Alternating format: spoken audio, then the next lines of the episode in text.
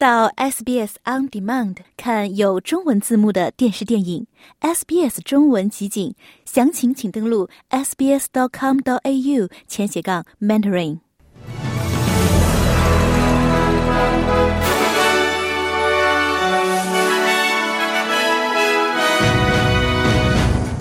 澳大利亚人口已突破两千七百万。乌沃斯表示，并没有试图取消澳大利亚日。俄罗斯指责乌克兰军方击落一架载有乌克兰战俘的飞机。美国对表示对胡塞武装目标的最新打击取得成果。下面我们来了解详细内容。自由党副领袖舒珊雷指责总理安东尼阿尔巴尼斯在对第三阶段减税政策进行修改仪式上欺骗了澳大利亚民众。预计阿尔巴尼斯将改变其竞选承诺，维持百分之三十七的减税政策，并增加收入不超过五万澳元的低收入者的税收抵免。各种媒体报道称，中等收入者将获得更慷慨的待遇，而高薪者将获得比最初预期更温和的回报。总理表示，帮助那些在生活成本危机中挣扎的最痛苦的澳大利亚人至关重要。苏珊雷说，他希望阿尔巴尼斯向澳大利亚民众承认，他是靠谎言赢得大选的。This Prime Minister looked the Australian people in the eye. 这位总理看着澳大利亚人民的眼睛说：“我说的话就是我的保证。”他在大选时承诺了一些事情，而现在他却打了退堂鼓。总理的选举胜利是建立在谎言之上的，工党是在谎言上赢得大选的。因为今天我们可以肯定的听到，第三阶段的减税政策已经不再实施了。That the stage three tax cuts are no longer going ahead. 乌沃斯首席执行官布拉德·班杜奇表示，乌沃斯并没有试图取消澳大利亚日。同时，他还为不在这个有争议的节日销售商品的决定进行了辩护。他说，这一决定纯粹是商业决定，储存这些商品不再具有商业意义。随着针对沃斯员工的辱骂日益增多，这家超市巨头在全澳报纸上刊登了整版广告，呼吁澳大利亚人尊重其员工。班杜奇向七频道 Sunrise 节目解释了发布这一公告的原因。人们对我们的团队很粗鲁，有时甚至是威胁。鉴于这些情况，我认为有必要重申我们的立场。很明显，我们在一开始就没有说的那么清楚，所以这就是在澳大利亚日之前发表声明的原因。如果这个头条新闻没有其他信息，那么它所传达的明确信息应该是在周末到来之际，我们要以应有的尊重对待我们的团队。所有。所有人都要以澳大利亚人的身份来庆祝这个节日，并为自己是澳大利亚人而感到自豪。维多利亚州政府表示，将坚持一年多前与以色列国防部低调签署的协议。该协议于二零二二年十二月签署，并获得了外交和贸易部的批准，但从未对外公布。时任维州工业部长的本·卡罗尔于二零二三年出访以色列，有报道称他与以色列国防部就促进与以色列的贸易关系进行了会谈。卡罗尔的这次旅行花费了纳税人四点三万多澳元。维州绿党领导人萨曼莎·拉特纳姆表示，维州人有权知道他们的政府是否参与了用于摧毁加沙的武器制造。维州政府表示不会退出该协议。在发现受石棉污染的地膜之后，悉尼地铁的数个变电站及悉尼西部一处道路项目已被隔围起来。本月在悉尼内西区的新罗泽尔公园发现石棉之后，对回收的地膜进行了检测。包括罗泽尔公园在内的受污染场地目前已被围栏隔离，以防止公众进入，并等待受影响区域的修复计划。对这些地点进行的有针对性的检测结果显示，年节石棉呈阳性，这是一种危险性较低的有害物质。当其分解并在空气中传播时，危险性最高。所有阳性结果均已通知环境保护局。随着澳大利亚出生人口和移民人数超过死亡人数以及离开的移民人数，澳大利亚人口已突破两千七百万。澳大利亚统计局表示，澳大利亚人口每五十秒即增长一人。去年澳大利亚人口增长了百分之二点四，约为六十二点四一万人。两千七百万这一数字是根据去年六月三十号的统计数据。估算的。其预测依据的假设是在澳大利亚，每一分四十二秒就有一人出生，每两分五十二秒就有一人死亡，每四十五秒就有一个新移民来到澳大利亚。年度澳大利亚人大奖的最终入围者已在今晚宣布获奖者之前抵达堪培拉。从社区领袖到无名英雄、医学研究人员和青年倡导者，来自澳大利亚各地的三十四名被提名者来到澳大利亚首都参加一系列活动。入围者包括乔治·纳朗教授和理查德·斯科耶教授，他们因癌症研究而被提名为新南威尔士州的联合提名人。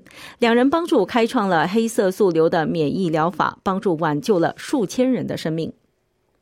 公民科学家收集的新数据表明，塑料仍是海洋环境中最常见的垃圾形式。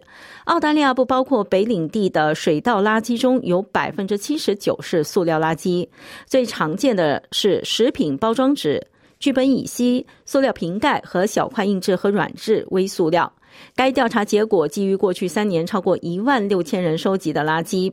澳大利亚保护志愿者组织首席执行官菲尔·哈里森解释了最需要采取行动的领域。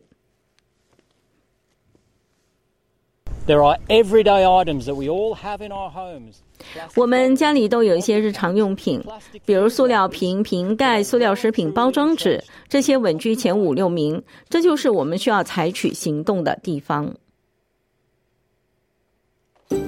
您正在收听的是 SBS 中文普通话节目。听众朋友，早上好，欢迎您继续收听 SBS 普通话新闻。下面我们来关注更多国际方面的消息。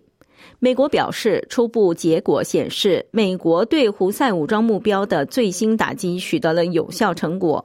美军在也门发动了更多袭击，摧毁了两枚胡塞武装反舰导弹，称这些导弹瞄准红海并准备发射。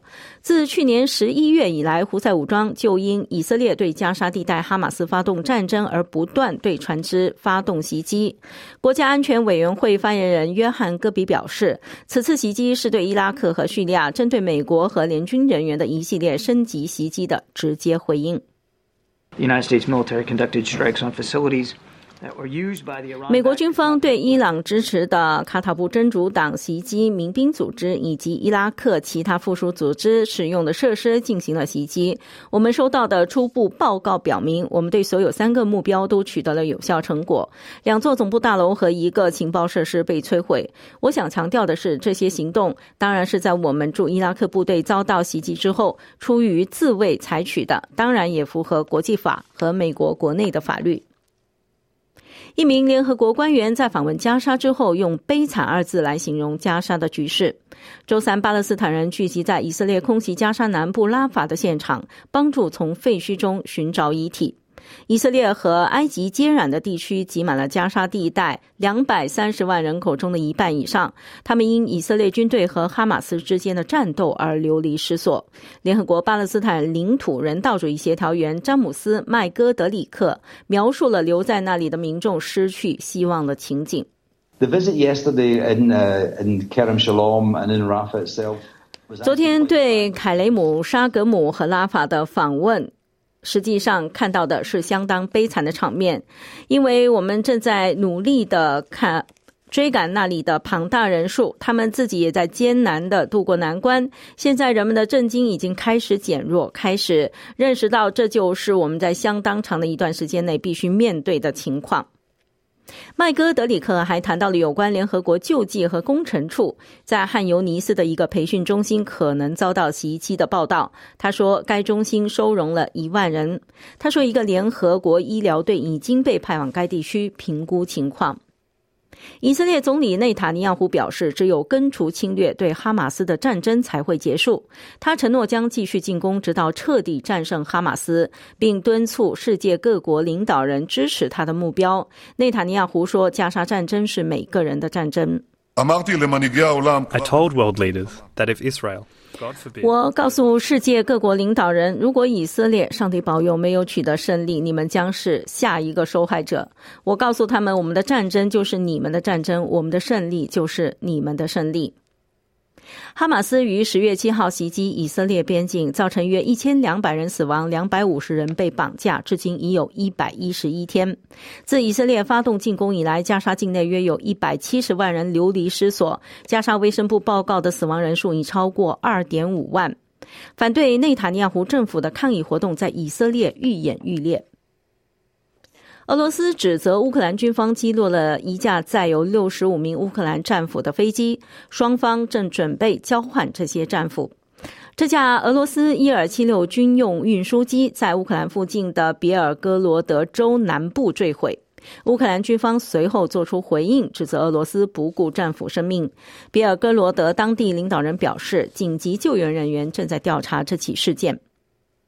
阿根廷新任总统哈维尔·米莱面临上任以来的首次大罢工，总罢工以“国家是不卖的”为口号，于周三开始，由该国最大的工会劳工总联合会号召。米莱先生正在通过一系列紧缩措施，推动大幅削减财政赤字。这些措施已使工会、左翼政党和民众阶层陷入战争状态。航空运输工作人员宣布，他们将加入这一行动，导致多个预定航班被取消，银行也停止营业，公共汽车、火车和地铁的时刻表受到影响。谢尔维亚·卡瓦列罗走上街头抗议，并表示他担心餐桌上没有食品。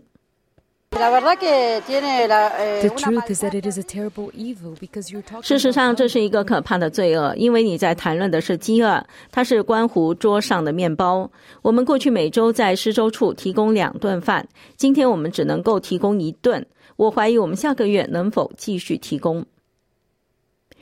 再来关注体育方面的消息。西班牙年轻选手卡洛斯·阿尔卡拉斯在澳大利亚网球公开赛四分之一决赛中输给了德国四号种子选手亚历山大·兹维列夫，因此被淘汰。在罗德纳沃尔竞技场的另一场深夜交锋中，奥运会冠军兹列维夫在首盘的两盘中。击败了阿尔卡拉斯，并在反击中获胜，进入半决赛。这标志着兹维列夫职业生涯首次战胜大满贯排名的前五的对手，并且追平了他在墨尔本公园的最好成绩。这位2020年美国公开赛亚军将与俄罗斯世界排名第三的丹尼尔·梅德韦杰夫争夺周日在墨尔本公园举行的决赛的席位。另外，澳大利亚前网球运动员莱顿·休伊特已入选网球名人堂。休伊特是第四十七位入选者。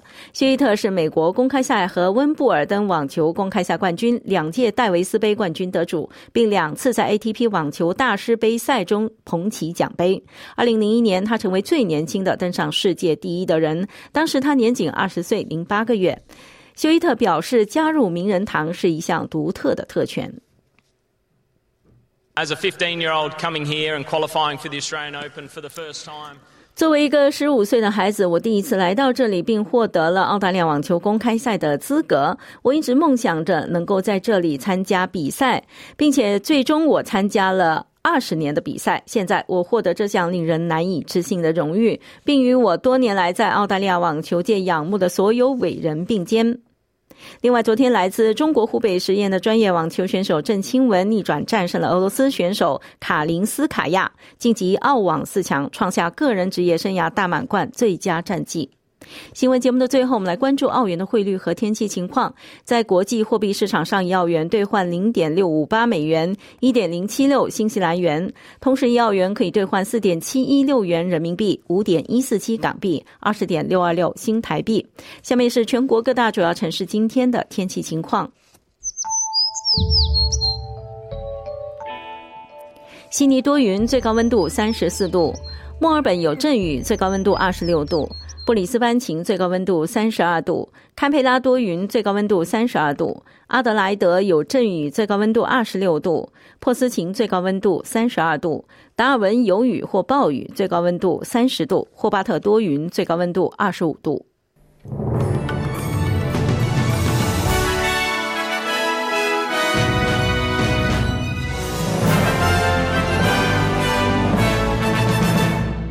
想在 SBS 当一回影评人吗 SBS On Demand 正在推送配有中文字幕的热门影视作品。您只需观看一部或以上影视作品，并把影评观后感发给我们，就有机会赢得一份 SBS 精美礼品。